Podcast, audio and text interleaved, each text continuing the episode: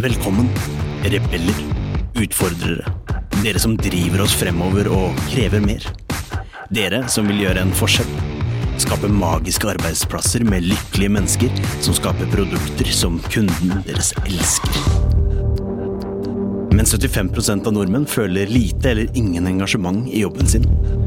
94% av ledere sier jo at smidighet og samarbeid er kritiske faktorer for at deres organisasjon skal lykkes men kun 6% av dem mener selv at de er smidige. Dette er podden som vil inspirere, gi deg konkrete tips og verktøy som vil hjelpe deg med å skape endringsdyktige organisasjoner med høyt engasjerte og motiverte ansatte som lager uslåelige produkter. Med Smidigcoachen, kurs- og foredragsholderen Ida Kjær ved sin side har hun kurs- og foredragsholderen, smidigtransformatøren og topplederen Tobias Falkberger. Sammen har de over 20 års erfaring med å jobbe i og lede smidige team og organisasjoner. Nå kjører vi! Hei og velkommen til en ny episode av Smidigpodden. Denne episodens tema er kjempespennende, for vi skal diskutere noe mange av dere helt sikkert kjenner godt til, og det er scrum. Nærmere bestemt skal vi snakke om om har scrum fortsatt en plass i 2022. Og med oss for å snakke om akkurat dette, så har vi Geir Amsjø. Geir han arrangerte de aller første Scrum-kursene i Norge tilbake i 2005. Og han har sertifisert over 4000 personer i nettopp Scrum. Så man kan jo si at Geir har litt Scrum-bagasje i ryggsekken. Så jeg tror dette blir en veldig veldig fin diskusjon. Før vi smetter inn i episoden med Geir, så vil jeg bare minne dere lytterne på Buy Me Coffee. Buy Me Coffee er en måte for deg som lytter å få eksklusiv tilgang til forelesninger og kurs gjort av oss i Smidigpodden. Og samtidig så støtter du Smidigpodden. Selv om konseptet heter Buy Me Coffee, så betyr ikke det at nødvendigvis pengene går til kaffe. De går til litt mer sånn podkast-tekniske ting, som mikrofoner, popfilter og annet snacks. Så hvis du har lyst på eksklusiv tilgang til forelesninger og kurs, så gå inn på smidigpodden.no skråstrek én kaffe. Håper å se deg der. Men nå hopper vi inn i episoden. Velkommen til oss, Geir. Tusen takk. Veldig hyggelig at du vil komme. Og vi har en uh, spennende tematikk i dag. Et tema som vi aldri faktisk har hatt på Smilepoden før, men som jeg tror de aller fleste av lytterne våre kjenner til. Og det er nemlig scrum. Men før vi hopper ned i scrum, kan ikke du starte med å si noen ord om deg selv? Ja, det kan jeg gjøre. Jeg er, eh, har bakgrunn som utvikler. Jeg har vært programmerer en gang i tiden. Det var ja, tidlig 90-tall. Hele 90-tallet så jobbet jeg i Siemens eh, på Linderud i Oslo, Telekom. Og hadde ansvaret etter hvert for metoder og prosessforbedring og sånt. Og så begynte jeg som eh, konsulent i 2000, og, så, og det har jeg holdt på med siden det. Og så ja, har jeg jo egentlig holdt på he, på heltid med, med smidig og skrøm og sånt siden ja, 2004. Eh, det ja, 2005 kanskje. Så det det har vært en lang, eh, lang reise. det var ikke det at jeg, jeg, trodde vel kanskje ikke at jeg skulle holde på med dette i så mange år, men, eh, men det, det, virker som dette er like aktuelt i dag som det var eh, i 2005. Okay. Så nå jobber jeg i, i et bitte lite firma som heter Lean Venture, så, hvor vi er tre stykker som, som jobber med dette her på heltid. Og det er en primært, primært, kurs som er innfallsvinkel, eller du, du jobber også kanskje som, som, konsulent, eller hvordan er, sier det modell, eller hvordan ser arbeidshverdagen din ut? Ja, nei, det er, det er, jo mest kurs, kan du si. Eh, vi holder åpne Scrum-kurs. ikke sant? De Certified Scrum Master, Certified Scrum Product Owner, de, de, de, de, går jevnt og trutt, ja, både internt og åpne. Og så, men så må jeg jo ut i virkeligheten og bryne meg litt på virkeligheten innimellom. Det, jeg kan ikke bare drive og holde kurs. Så, så jeg, ja, jeg, har, jeg, har, masse oppdrag eh, for kunder da, hvor jeg kommer inn og er ja, sparringspartner for ledergruppa kanskje, eller for skrømmasterne. Eh, noen oppdrag kan være et helt år hvor jeg er inne på en liten stillingsprosent, mens andre oppdrag er, er mer ja, litt mer sånn adhoc, hvor jeg holder noen, noen workshoper og, og, sånt. Så det, jeg prøver å, å finne en, en god miks, en god eh, balanse mellom, mellom, det å stå og holde kurs og det å, å, å jobbe direkte med, med firmaer. Det, det, det, er jo jeg liker å holde kurs, men det er enda morsommere å jobbe direkte med, med, med firmaer. Det høres ut som en veldig fornuftig miks, eller balanse, om man kan kalle det.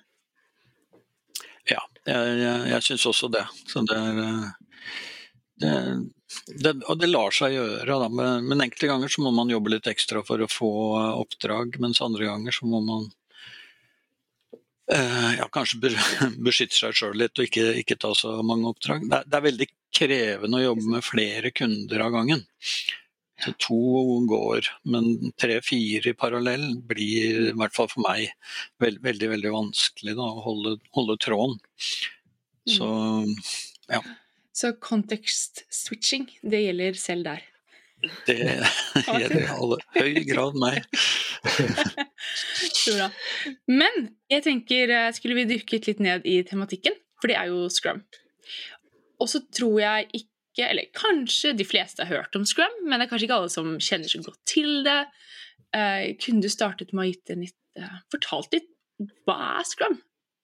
Ja, veldig godt spørsmål.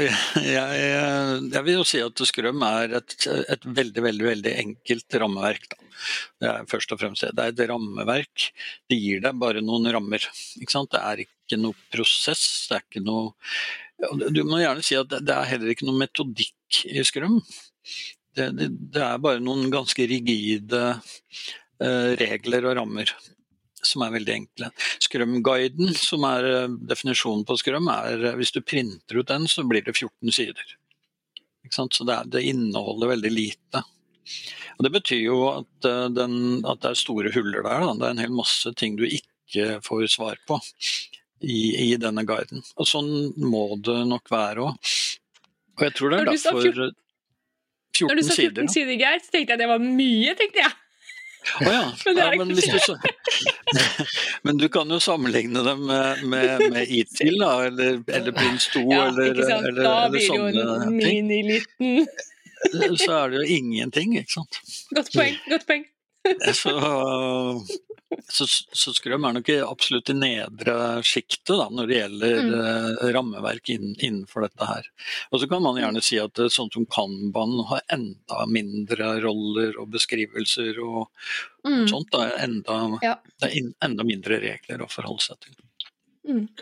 Var det ikke sånn at det, det, kom en oppdatert versjon av den her ganske, for ikke så lenge siden, stemmer det? det og da ble den også litt mindre, litt lettere enn den var tidligere? Mm. Ja, så, og det er ganske interessant synes jeg, med Skrøm at den definisjonen har holdt seg ganske stabil i, i, i 20 år. Eh, men, men, det har vært noe, noe oppdateringer, selvfølgelig, og det er, det er stort sett presiseringer.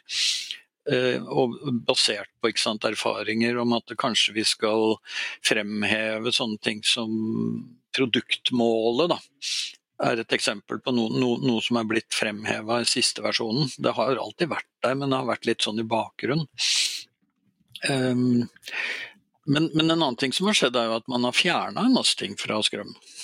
Altså, sånn som Burndown Chart. Burndown Chart var en del av Scrum eh, i gamle dager. Men uh, så har man funnet ut at ja, det er mange andre måter det går an å følge opp framdrift underveis i en sprint på enn det. Så, så, da tar vi det ut. Det ikke, men, men, det betyr ikke at det ikke er anbefalt. Det, det absolutt, eh, kan være absolutt en fin måte eh, at et utviklerteam følger opp sin egen framdrift med burn-on-chart, men det er, det er, rett og slett bare ikke, ikke en del av rammeverket. Mm. Så det, og det er jo uh, veldig altså en, av, en av de misoppfattelsene kanskje med skrøm er jo at det man, man, man, tror at det inneholder mer enn det det egentlig gjør. At, og frihetsgraden innenfor rammeverket er veldig stor. Mm. Eh, men det er sikkert derfor det er så slitesterkt også. ikke sant? At, at det holder i mange mange år. Pluss at det, du kan bruke det i en bitte liten startup, og du kan bruke det i svære banker. Og du kan bruke det til ja, andre ting enn IT også. Ja, det, er rett og slett veldig tilpasningsdyktig. Da. Det tror jeg nok, det, og det har jo vært en, en, en viktig sånn, altså designkriterium egentlig for Scrum. At det skal ikke være veldig sånn spesifikt for et, et, et, et spesielt problem. Eh, bortsett fra én ting, da. Det, det, er helt eksplisitt at Scrum er for å løse komplekse problemer. Ja. Hvis, hvis, du vet hva du skal gjøre, hvis du, hvis du skal gjøre noe du har gjort før, du, og du veit hvordan du skal gjøre det, så, så behøver du ikke Scrum. Da, da, da, kan du lage en plan med Gantt-diagrammer og sånt, og, og, bare følge opp etter milepæler. Ikke sant? Så, så, det, si. så, men, så, så, det men, så ikke for bygga bygge säger, hus, et likt hus som naboen har, er kanskje ikke der det blir brukt mest, Alltså. Det er Nei. Men eh, hvis du skulle, til de som lytter, hva ville du sagt er de viktigste elementene i Scrum som man burde ta med seg? Ja, så det, det, For det første så, så skal du jo jobbe i tverrfaglige team tette tverrfaglige team eh, som har ansvar. Det ideelle er jo at det er altså, autonome team da, som, som, klarer å fullføre det de sjøl har starta på. Og Det er et selvstyrt og selvorganisert team da, som består av tre roller. Det er product owner, scrum master og utviklere. Det er de tre rollene.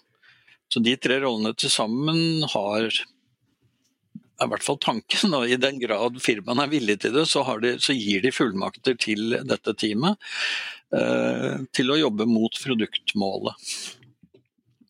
Og så er det ekstremt viktig med Scrum, er, er dette, denne teorien om eh, empirisk prosesskontroll. Altså at eh, man skaffer seg historikk og empiri hele tiden. Når du jobber i disse faste sprintene, som har maks lengde på fire uker, så, så, så, skal du stoppe opp hver eneste gang og, og, og reflektere over, over, hvordan gikk den siste sprinten. Og så skal du bruke det du finner ut av det til å bli bedre. Altså til å gjøre endringer, gjøre forbedringer, så, sånn at du står aldri helt stille. Så på mm. den måten så er det liksom empirisk altså, ja, Empirisk prosesskontroll betyr jo bare det at, at du du baserer metoder og verktøy og, og, og prosessene dine på empiri. Da. Mm. Og kanskje der ligger kanskje en del av misoppfattelsen òg. For jeg opplever jo at altså, Scrum kan jo si, tolkes i hvert fall som veldig på en måte ganske rigid. Da. At man ikke har rom for den type tilpasning. Mm. Um, men du, det du sier, er at du er, du er egentlig ikke eller man er ikke enig i den. At det er en misforståelse, rett og slett.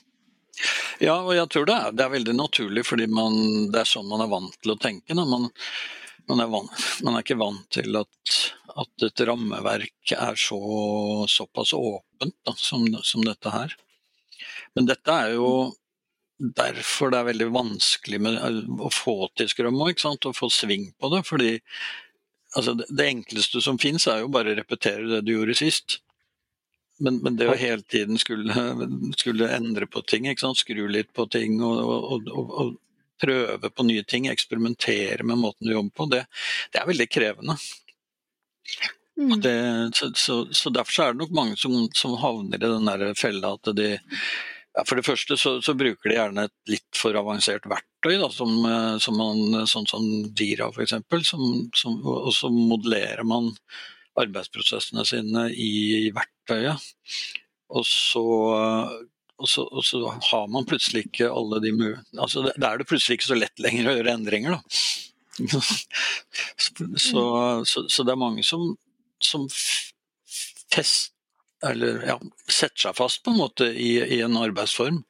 Uh, og, så, og glemmer litt dette med at det er faktisk vårt, vårt eget ansvar å hele tiden forbedre oss og, og hele tiden bli bedre. Og, og, så blir det mer en, ja, om, om, å gjøre å følge prosessen, istedenfor om å gjøre å utfordre prosessen. Mm. mm. Intressant, ja, for det er liksom kanskje min opplevelse av at det ofte blir Det blir gjerne et prosessfokus. og Man er mer opptatt av å gjøre ting riktig enn å gjøre de tingene som uh, nødvendigvis er uh, eller si, gjøre ting mer eh, rett etter boken, men i stedet for å gjøre de tingene som er, som er riktig for teamet. Mm. Mm. Jeg, jeg, måtte rekke opp hånda, for hvis ikke kommer jeg ikke til her. um, jeg bare tenkte på en ting du sa, Geir. og Du sa at um, team som skal kjøre scrum, de må ha autonomi, og de må være tverrfaglige. Og så tror jeg mm. mange av lytterne våre uh, kommer fra sånne store, liksom, kanskje litt tunge organisasjoner. Um, de har kanskje ikke kommet så langt på reisen sin ennå at team har full autonomi, eller at de kanskje ikke engang har tverrfaglighet i teamene sine. Er det da Skal de likevel prøve å kjøre scrum, eller er det bedre å vente? Hva, hva, hva tenker Nei, du rundt den utfordringen der? Du må, ja, du må kaste deg ut i det. Altså, det, det, kommer aldri, det kommer ikke til å funke spesielt uh, strømlinjeforma og smidig i starten. Bare, det, det, må man bare forvente, at dette er veldig vanskelig i starten. Og særlig hvis du mm. setter sammen et team hvor du er usikker på om du har det riktige teamet. Og de mangler, kanskje, kanskje de mangler eh, noe, no, no vesentlig kompetanse f.eks. i det teamet. Så vil de jo oppdage det. Uh, og det vil svi litt. Og de, vil kanskje ha setter et sprintmål som, som, som egentlig forutsetter at de har alt på plass, men så var ikke alt på plass allikevel. Uh, det kan være kompetanse de mangler, men det kan for så vidt også være utstyr. Uh, eller tilganger, eller, eller, eller, til og med fullmakter de mangler. Sånn at uh, det, det, er mye som kan få det til å stoppe opp og hakke og bli, bli friksjon. Mm. Noe, noe, av det som overrasker meg stadig vekk, eh, det er jo at disse tverrfaglige teamene altså de, de har kanskje da det de trenger, f.eks.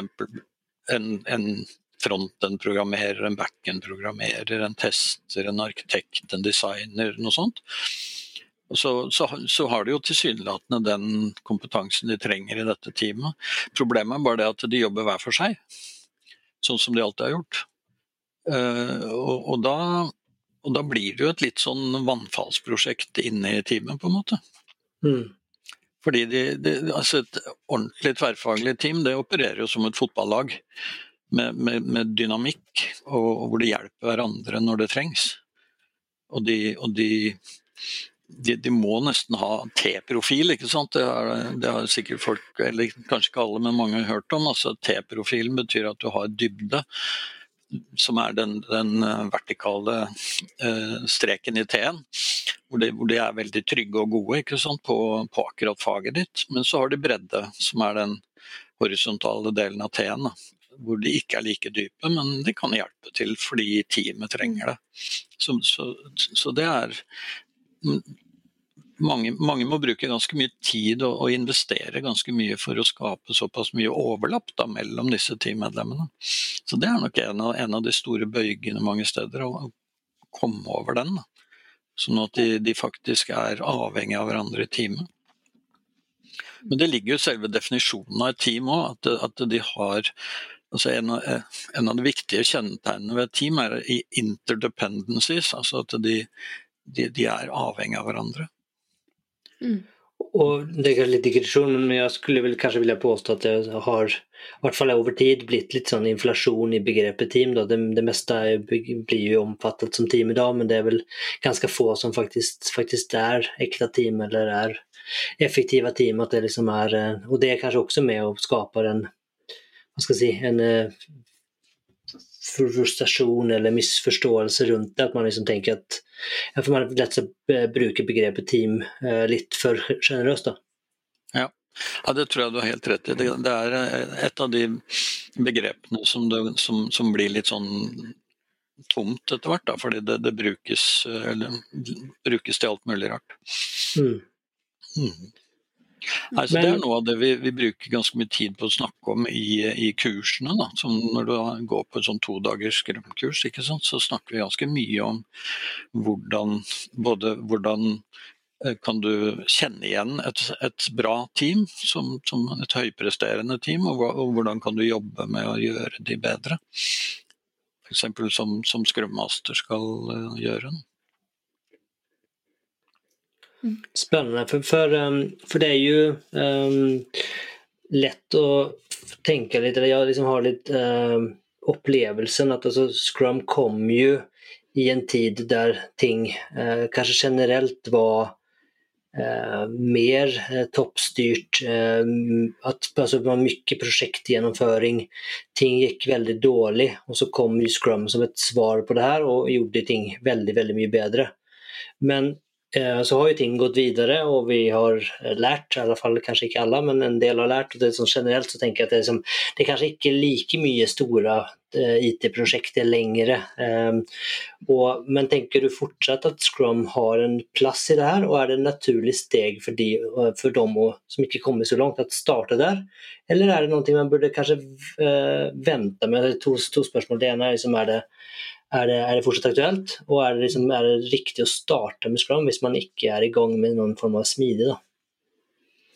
Ja, nei, de, de, spørsmålene der har jeg stilt meg selv mange ganger også. At, og jeg, jeg, har jo helt ærlig venta på at det, på et eller annet tidspunkt så må, vel, så må det vel være, være, umoderne med Scrum og, og sånt. Og, og, jeg husker veldig godt når, når DevOps-bølgen på en måte kom, da, så var det veldig mange som ville distansere seg fra Skrøm da, og mente at nå er vi langt forbi Skrøm.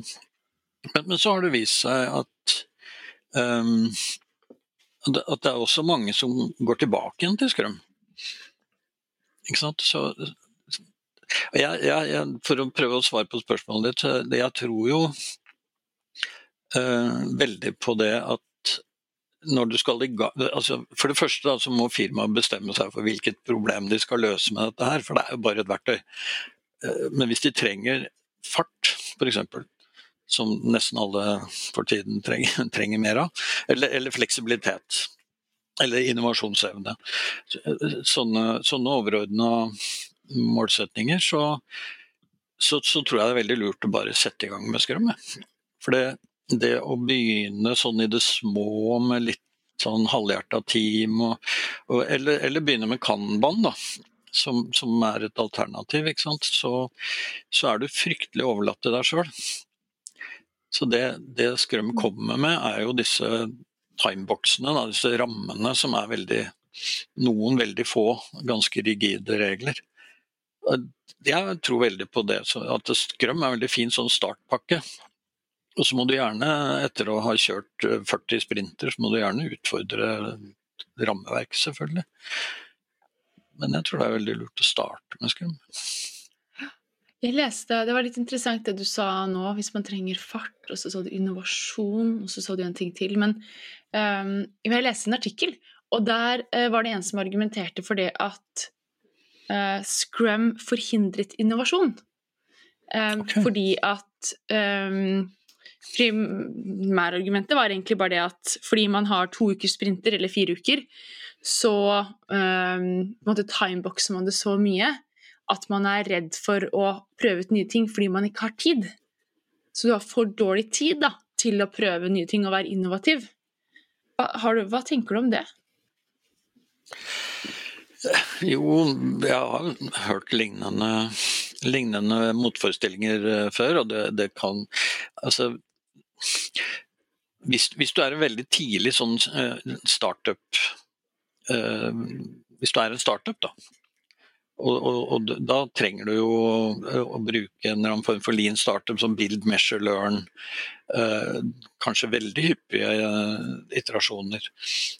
Og da er det ikke sikkert at du får det til å passe spesielt godt med disse toukersprintene f.eks. Mm. Så, så i, i, visse faser så kan man godt skjønne at, at disse, disse, disse, sprintene kommer litt i veien. Men, men, det mange ikke er klar over, er at det går fint an å eksperimentere innafor en sprint òg. Og det går fint an å sette ting i produksjon mange ganger i en sprint. Altså, det er jo ikke sånn at sprinten at du, blir, at du må vente til sprintreview med å sette noe i produksjon.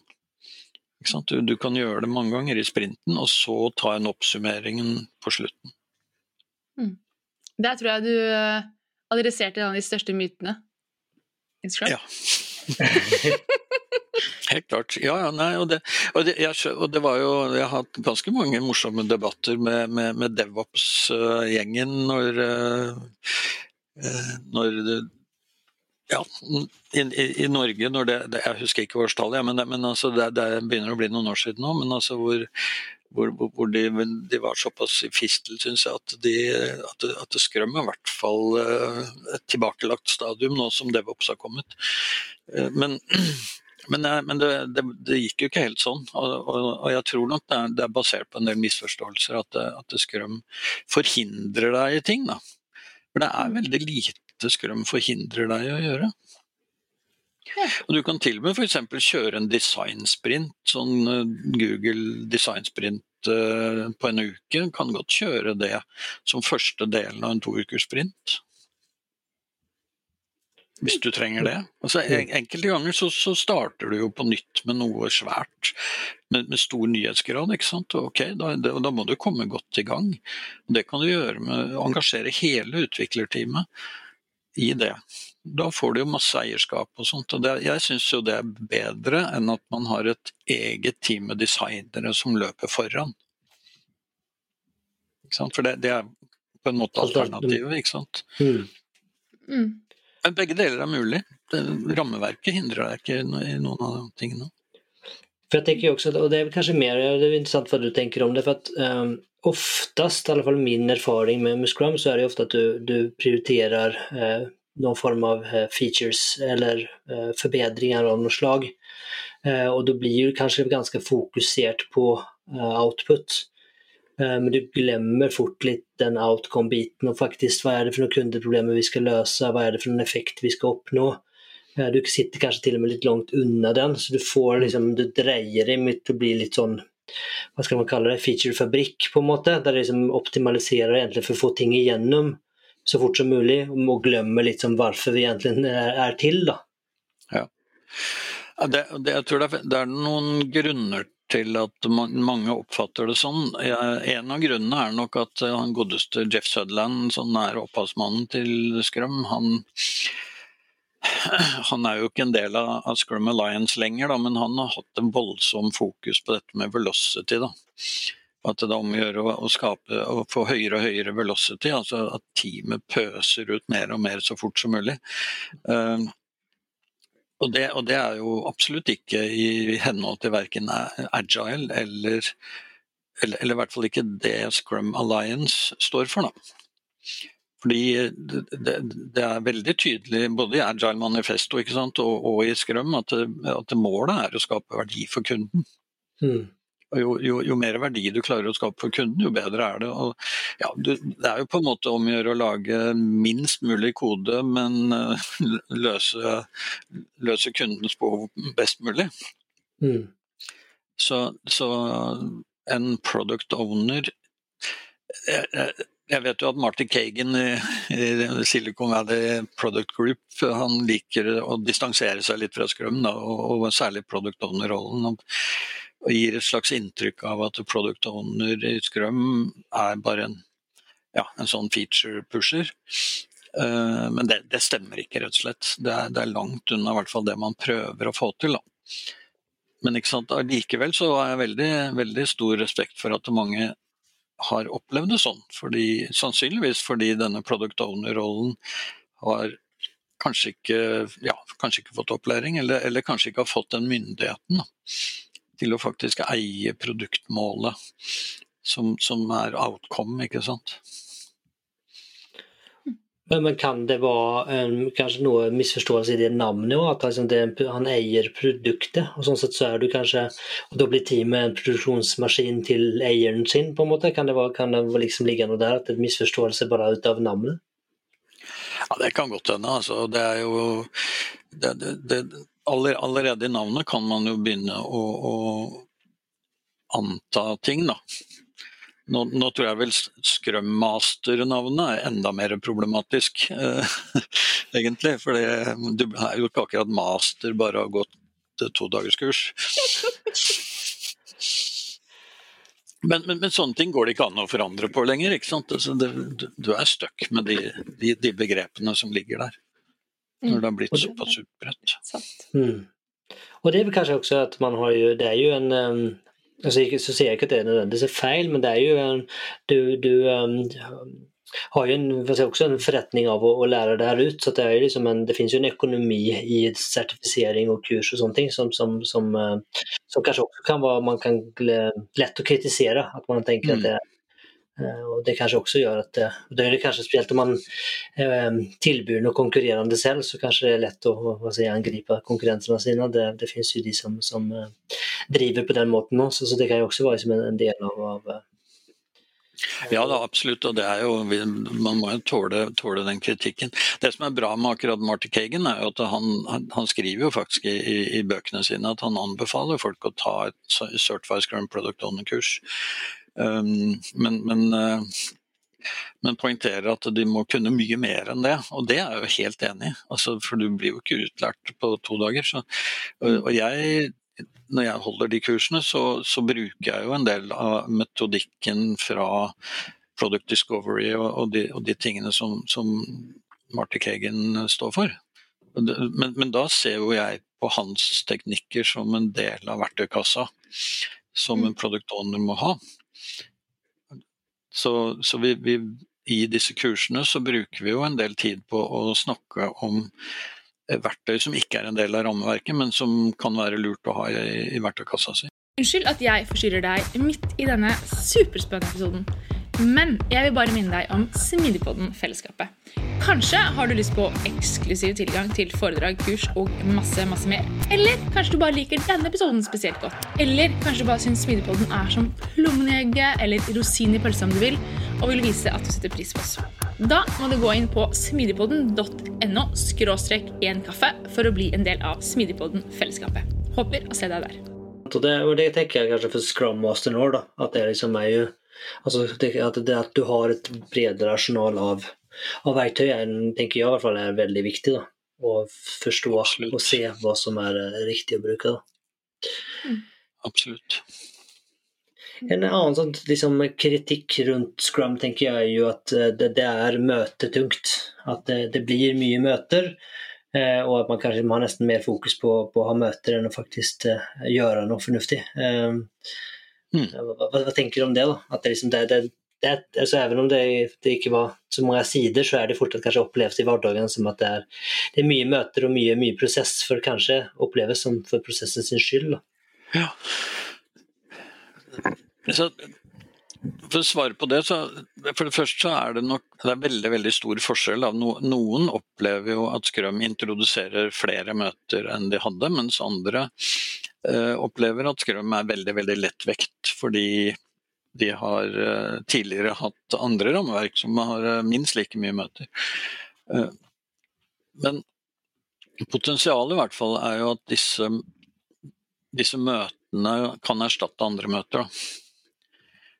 Altså, hvis du har altså Alle sprintene starter med sprintplanning-møte, og, det, og det det er jo et møte, men det, men det er jo arbeid.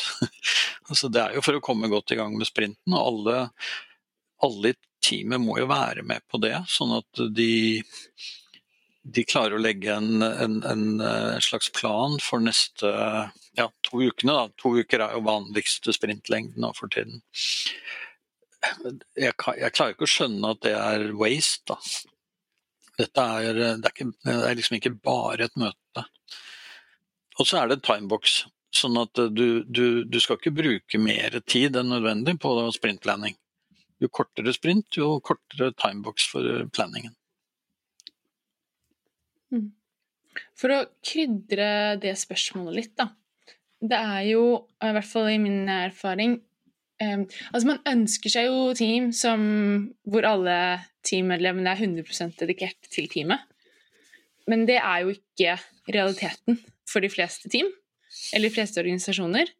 Um, og da blir jo plutselig prosentandelen brukt i møter veldig stor da, for de personene som ikke er 100% dedikert til teamet. Så jeg tror ja. kanskje det er noe med det også, at da man opplever et veldig stort møtepress, da, som blir en uforholdsvis stor del av eh, den tiden du har med teamet, da. Eller Absolutt. produktive tiden du har, da, på et vis. Hvis du forstår, ja. Forstår du refleksjonen? Absolutt, men det, til det, altså enten du bruker skrøm eller hva som helst, hvis du vil bli skikkelig bra høypresterende team, så må du jobbe på heltid i det teamet. Ferdig snakka. Altså det er, folk skal gjøre, det, det, og det er jo det ideelle. Og Det er ikke eksplisitt i Skrøm, men sterk, sterk anbefaling at de som jobber i teamet, de er der på ja, tilnærmet heltid. Da. Uh, og det, jeg mener, Hvis du leser Team Topologies og en masse andre bøker om, om, teamarbeid, så er det jo det som er, som, som er anbefalingen. Da. Men mm. hvis man allikevel velger å si at, eh, at folk jobber på to forskjellige team, eller kanskje til og med tre forskjellige team, så, mm. så får du et møtehelvete, selvfølgelig. Det, det skjønner jeg. Akkurat det. Og det er ikke alle som kan velge noe annet heller. Det er kanskje der problemet ligger òg, ikke sant. Alle kan altså, Organisasjonen kan, men altså Organisasjonen kanskje, kanskje, men individet kanskje ikke kan. da. Eh, og så er det kanskje en lang reise å komme seg dit, da. Eh, som ja. ikke bare er gjort på en ja, kjapp vending. Nei, det, det, er jo altså de, de, firmaene jeg har fulgt som har innført Scrum og fått det til med mm. de, de, har, altså, de har jo brukt eh, to-tre år. Ikke sant. Mm. Altså, og, det, og, det, er jo Helt i starten så er det en veldig veldig vanskelig tanke det å sette folk på heltid i, i disse mm. teamene. Mm. For de, de klarer ikke å legge denne kabalen, ikke sant? denne organisasjonskabalen. Mm. Ja. Og, og det, mm. det, det, må man erfare, og så, og så vil man mm. Ja, man kan, man kan la seg inspirere av veldig bra sånn body of knowledge eh, innenfor teamarbeid som har kommet de siste årene. Da, særlig denne team topologies-filosofien, mm. som er uh, veldig støtt, til støtte. Mm. Og så er det kanskje egentlig litt tilbake til det du sa helt i starten. Det at det kommer ikke til å være perfekt i starten. Det handler om å lære og modnes og utvikle. Um, mm. Det er viktig ikke å ha for store forventninger til dette rammeverket. Det er bare et rammeverk, det er ikke noe magi i dette rammeverket. Det, det, det, det, er mange som tror at, at dette, dette, vil føre til et eller annet. Men det, mm. det, er, det, vil jo ikke det. det. det. eneste Skrøm fører til, er at du får satt lys på ting. Ting kommer opp i dagen. Eh, på godt og vondt. Da. Eh, det, ting blir mer gjennomsiktig. Men det krever jo f.eks. at at du setter folk eh, mer eller mindre permanent inn i disse teamene. Og at du dyrker, dyrker teamarbeidet over, over, en del tid. Da. Når du har ganske permanente team som du jobber i en rytme, så får du masse historikk, og, og, og ting blir veldig gjennomsiktig. Mm. Men du må prøve det en stund for å, for å virkelig få det til. Mm.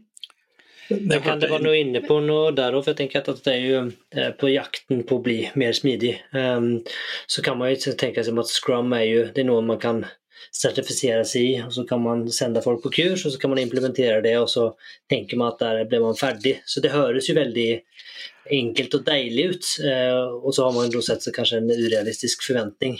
Ehm, jeg tenker ikke at det kan være noen misforståelse der òg. Liksom man tenker at altså For Scrum har jo, det er såpass anerkjent og kjent så at man tenker kanskje at det er smidig. Altså per definition, altså Det er liksom det man skal gjøre. Bare man gjør det riktig, så blir allting mm. bra.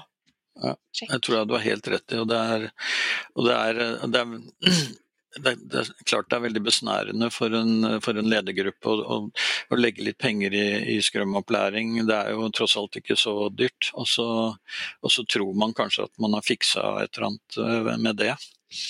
Men, men altså det, det jeg, jeg, kommer stadig tilbake til det. at hvis, når jeg får henvendelser fra kunder nå som, som sier at de, de, de, skal innføre Skrøm og lurer på om jeg kan hjelpe til, og om jeg kan holde kurs og sånt, så sier jeg det, ja, hva skal du bruke det til?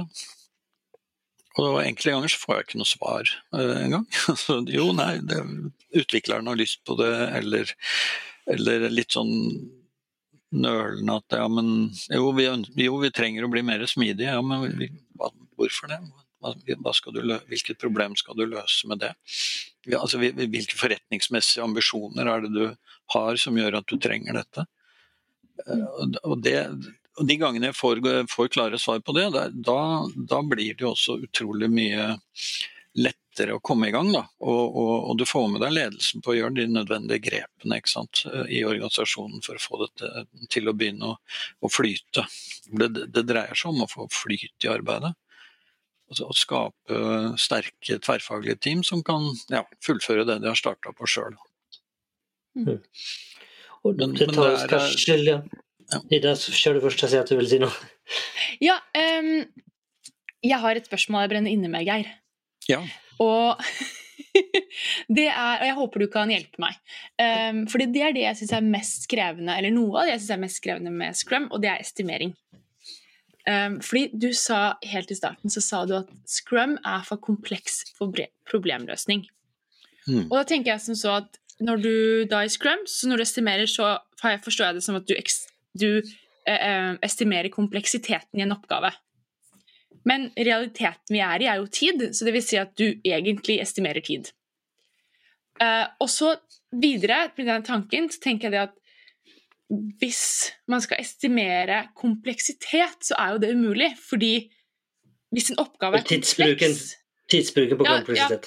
Ja, ja, fordi kompleksitet er jo per definisjon noe du ikke vet. Du vet jo ikke hele bildet når noe er komplekst. Du vil jo finne ut av det underveis. Så jeg sliter litt med den der hvordan kan du estimere noe som er komplekst? Kan ja, du hjelpe meg forstå det? Det skjønner jeg godt. det skjønner jeg godt. Og det er, det er jo men, men, altså Ok, for det første, da.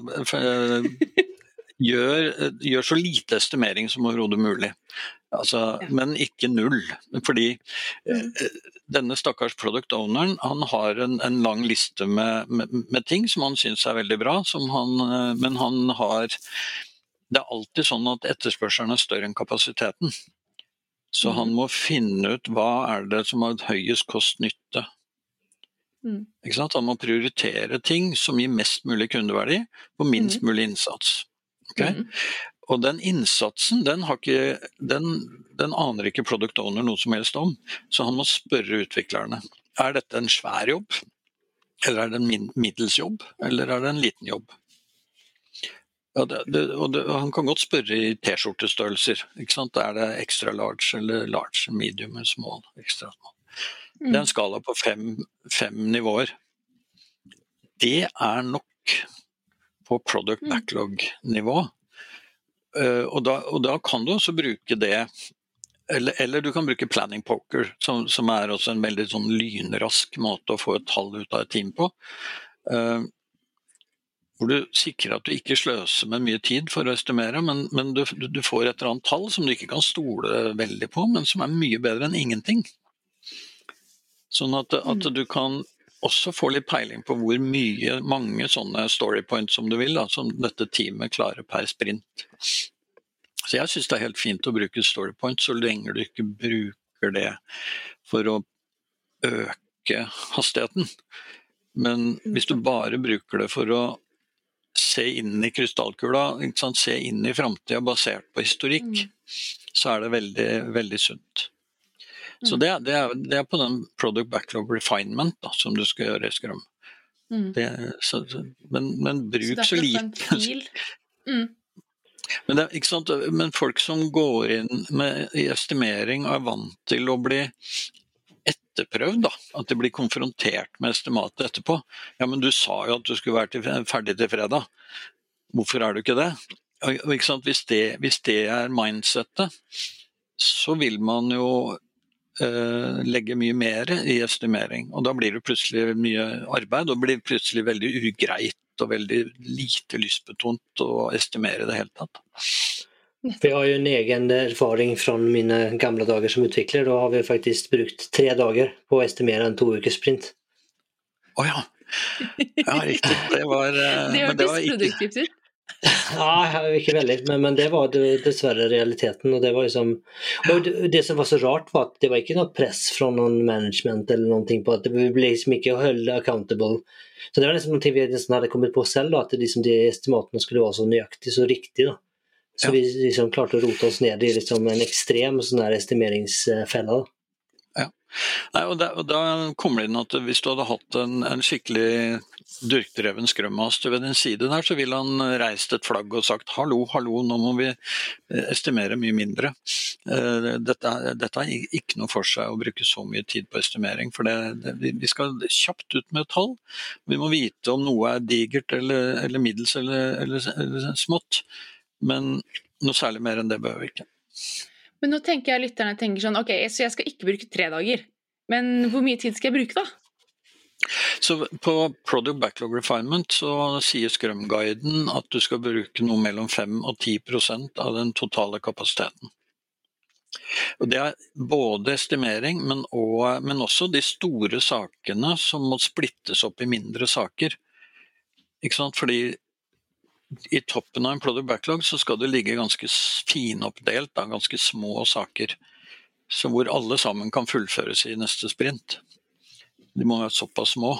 Så det, så det er en del jobb å gjøre på, backlog, på disse backlog-elementene. Både, ja, både for å grovestimere dem, men også for å ja, forstå dem bedre og splitte dem i, i mindre biter.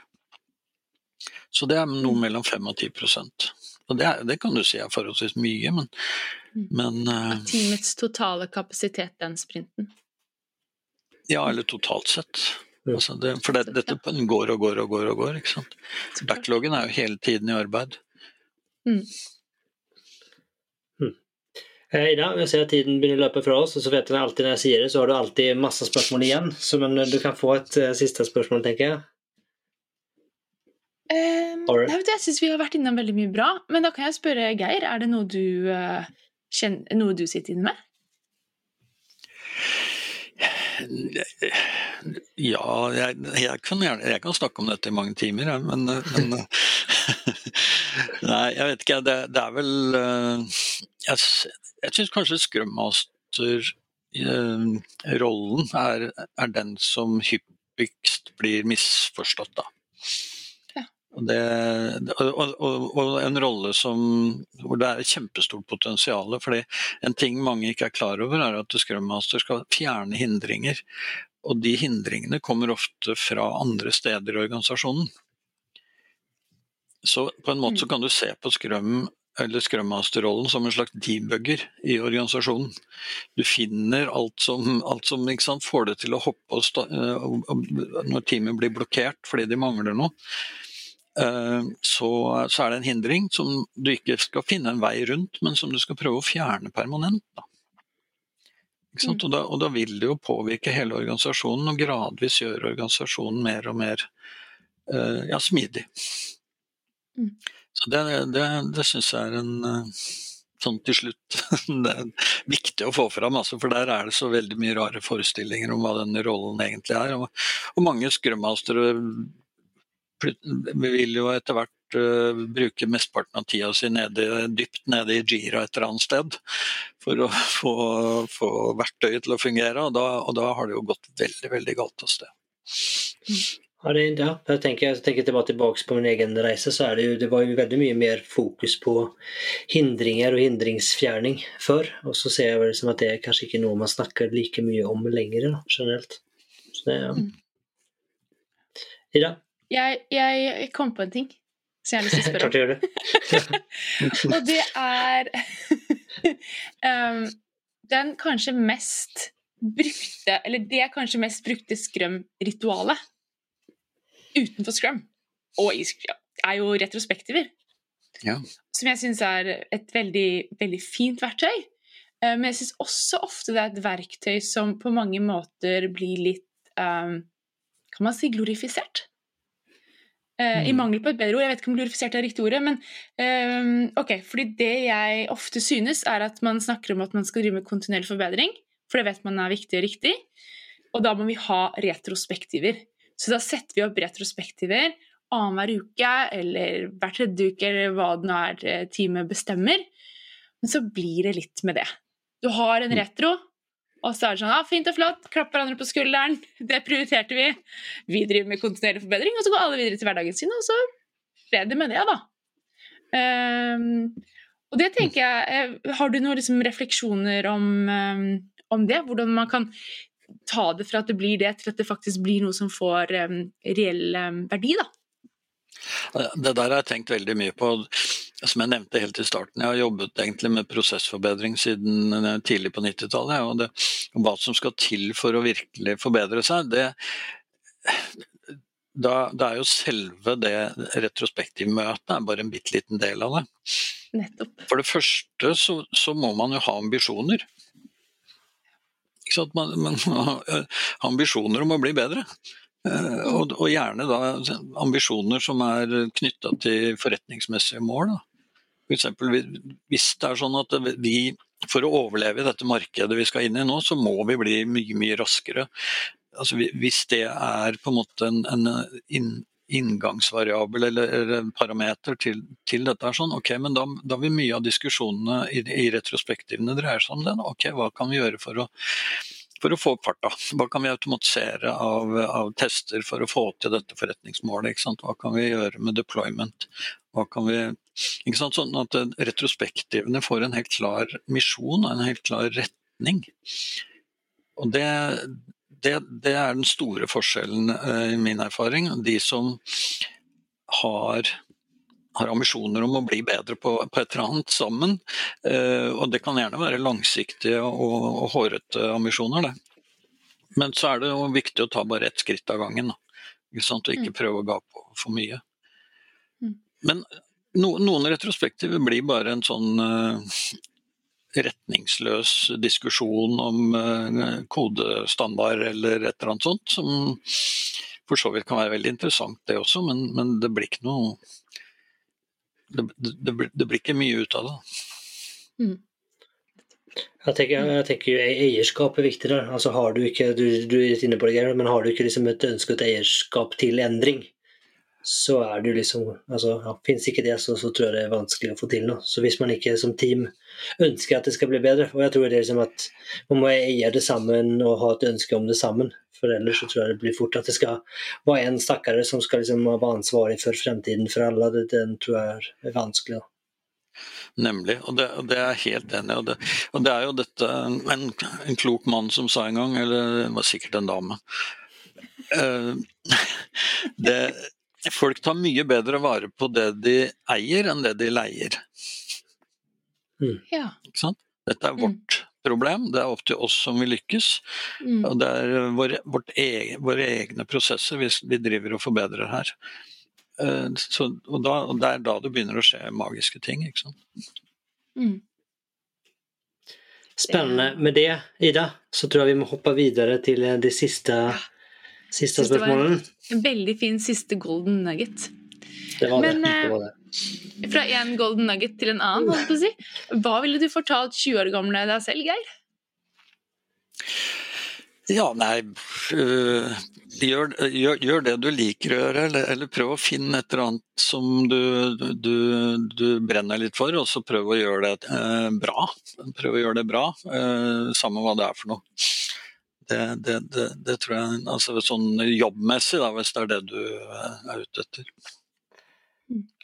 Jeg får ta opp et spørsmål, så uh, du får gjerne svare på hvis du tenker utenfor. Har du sett noe alltid den private Geir, så er jo det interessant, det òg. Ja, men Det blir vel omtrent det samme spørsmålet, svaret der. ikke sant? Altså, men altså, ikke, ikke følg deg sånn som det er, verden er i dag. ikke sant? Du har så mange valgmuligheter. Prøv å finne et eller annet du, du, du, både behersker og trives med, og så prøver du å gjøre det bra.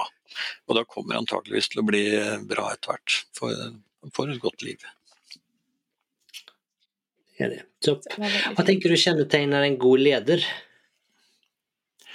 En god leder er jo en, en rollemodell. Da. Gjerne litt sånn visjonær.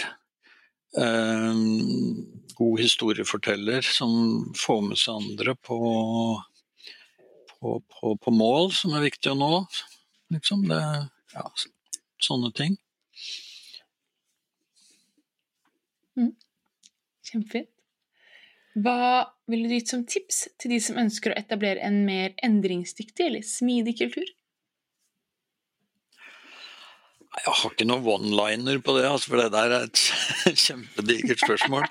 Eh, men, eh, men altså eh, Nei, altså man, man, kan jo si sånne ting som altså, kast, kast deg uti det. og, og allier deg med en, en, allier deg med en god coach, da, en som har vært, vært, med på sånne reiser før. Det tror jeg er veldig viktig. Altså. Det, er, det, er, veldig vanskelig å, å, jobbe med egen kultur internt uten å få noen øyne fra utsiden som hjelper til. Det er veldig vanskelig for de som er midt inne i en kultur, å, å sette ord på hva som er den egne kulturen.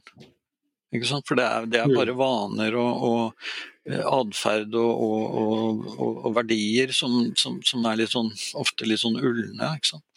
Og det å endre på kultur er bare kjempekrevende.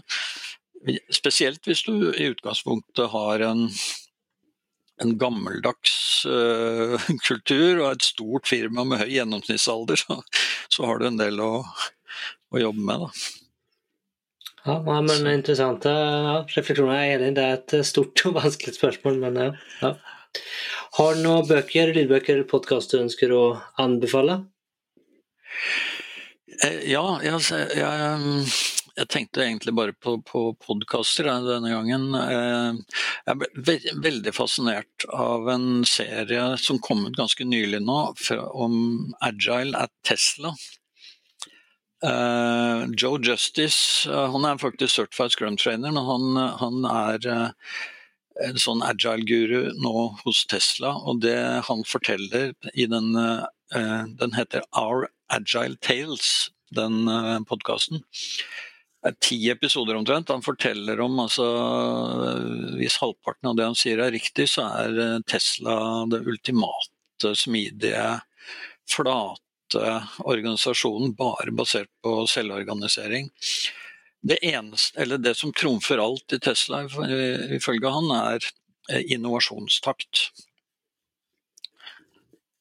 Og det, og det, det er helt styrende. Og, og, de har så få eh, ikke-ingeniørroller som overhodet mulig. De ansetter ikke HR eller salg eller sånne ting. Hvis man trenger å gjøre sånt, så må noen av ingeniørene gjøre det. Det høres helt, det høres helt vilt ut. Men de har 100 000 pluss-minus ansatte, og, så vidt jeg kunne forstå i den podkasten, så, så er det en dønn flat organisasjon. Det hørtes utrolig spennende ut. Ja, ja, den, ja du den burde høre på den. Også, den er veldig, veldig spennende. Og så digger jeg finurlig metode da, med finn.no. Og, og, Henrik Wangstein og, og, Bente Mari Kristiansen, som har vært i Finn helt siden jeg var der eh, i 2006-2007. Um, og, og, de snakker om eh, ja, veldig mye om målstyring, men også, også om bl.a. en episode hvor de har innført uh, skrøm på salg. Hmm. Spennende. Og så hører jeg en del på Learn med Silvia Ceres. Det, det var de tre podkastene jeg kom på, i hvert fall. Det var mye bra. Veldig mye bra. Ja, det var spennende. Ja. Eh, hvis man ønsker å komme i kontakt med deg eller følge deg, hva gjør man da? Altså, er jo, jeg er den eneste i verden som heter Geir Omsjø, så hvis du søker på, på det, så, så finner, du, finner, du, meg veldig lett på, på, LinkedIn i hvert fall. Ellers så er jeg Gamsjo på Twitter og, og på Medium. Supert. Vi legger ved noen lenker, vi.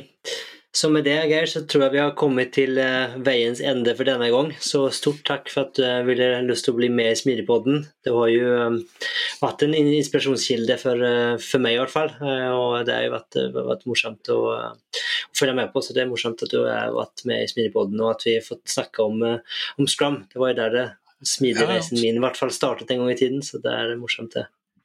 Kan jeg, kan jeg, få bare legge til én liten ting som på tampen? fordi nå er det jo Jeg gleder meg sinnssykt til onsdag, for da skal vi ha smidig konferanse. eh, to og et halvt år siden sist vi, vi, vi, kunne møte hverandre. Så det Jeg har jo alltid vært i, i jobbet med smidigmiljøet i Norge, så det, det, det, skal bli svært med Unconference på onsdag og torsdag denne uka her. Denne episoden kommer ut på onsdag, så hvis noen hører på denne episoden og ikke er der, så kanskje de kan ta turen på torsdag. Ja. Eller kanskje de rekker å dra turen på onsdag. Ja. Yes. Veldig, Nei, veldig bra. Så igjen, takk, takk, for denne gangen, Geir. Så håper jeg at vi snakkes Tusen igjen. Takk. Det var kjempehyggelig å ha deg på besøk. Veldig hyggelig å være her. Ha det. Da er det bare å si ha det bra. Ha det. Ha det. Jeg vil bare minne deg om Smidigpodden-fellesskapet. Kanskje har du lyst på eksklusiv tilgang til foredrag, kurs og masse masse mer. Eller kanskje du bare liker denne episoden spesielt godt. Eller kanskje du bare syns Smidigpodden er som plommen eller rosin i pølsa om du vil, og vil vise at du setter pris på oss. Da må du gå inn på smidigpodden.no skråstrek én kaffe for å bli en del av Smidigpodden-fellesskapet. Håper å se deg der.